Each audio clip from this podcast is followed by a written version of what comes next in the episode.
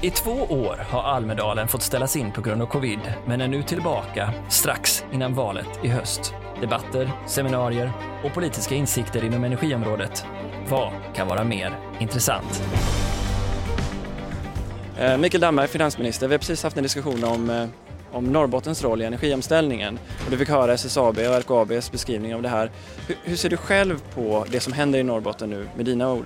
Ja, men det är en fantastisk utveckling. Jag var med på Eh, första presskonferensen med Hybrid eh, när jag var näringsminister och nu ser vi att när jag var i Davos bara för några veckor sedan, då var det här det man pratade om globalt sett. Det är här det sker i norra Sverige. De stora projekt som leder till fossilfrihet eh, och det är svensk industri som leder utvecklingen. Så att jag tror att ibland så är vi lite hemmablinda. Vi förstår inte hur stort det här är. Inte bara minska våra egna klimatutsläpp utan faktiskt kunna påverka världen. Så att, men det är en stor samhällsomvandling. Det, det, här är, det här är en enorm utmaning. Men i grunden för allt detta är det ju energi grön energi, eh, fossilfri energi som behöver till nu för att vi ska klara den här industriella utvecklingen. Och du hör här kommunens behov, det kommunala energibolagets behov, SSABs behov och Luleås behov och takt och tempofrågan mm. som är så viktig för dem. Mm. Vilken roll har staten i detta som du ser det? Ja, men staten har en viktig roll. Våra myndigheter måste arbeta på ett helt annat sätt för att korta handläggningstider, att tillstånd blir givna i tid och synkroniserat så att det funkar för den här samhällsutvecklingen.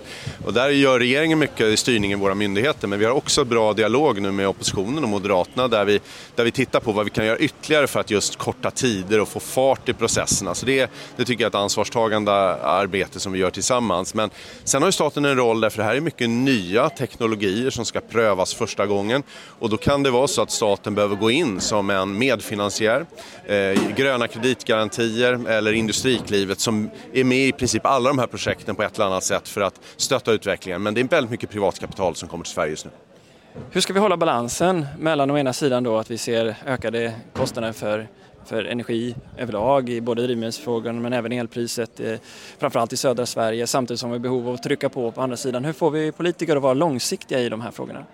Jag tror att den här kriget, den här energikrisen vi ser ändå med de höga priserna Slutsatsen vi måste dra det är ju att vi måste ha mer energi. Vi måste göra större investeringar. Så det finns ingen motsatsförhållande i det här.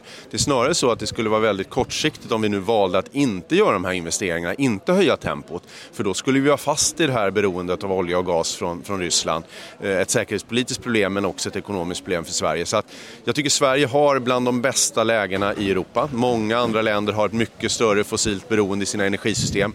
Vi måste växla upp vårt system och göra det snabbare och se till att det också finns elproduktion i södra Sverige som är stabil och, och som kan leverera i större utsträckning idag. Och, och då är det göra, jag utesluter inga energislag. Vi måste jobba med alla eh, de energislag som kan bidra. Men vi måste ha fokus här och nu på att komma till beslut. Och så utblicken du ser nu då i politiken, som är mitt uppe i det. Hur, eh, hur, hur, tolkar du förmågan och möjligheterna till att hitta de här typen av långsiktiga stabila politiska förutsättningar som både kommunerna men även företagen efterfrågar? Ja, men Magdalena Andersson har ju pekat ut som statsminister det här som en av de tre prioriteringarna regeringen vill jobba med. Det vill säga snabba på den här gröna omställningen, eh, skapa industriell utveckling och skapa jobb i hela landet. Så det här är ju verkligen i kärnan för vår politik. Men jag uppfattar att det är lite för högt konfliktläge eh, kopplat till energipolitiken i Sverige. Jag tror inte vi har råd med det långsiktigt. Vi borde ha en bred överenskommelse med, med så många partier som möjligt. Eh, och jag tror att det är möjligt att åstadkomma det efter valet. Och regeringen har bjudit in alla partier till samtal om energipolitiken och jag förväntar mig att alla partier som är ansvarstagande tar den möjligheten för svensk industri kommer att eh, titta väldigt noga på de partier som inte är beredda att göra kompromisser och komma framåt i den här viktiga frågan. Är du positiv?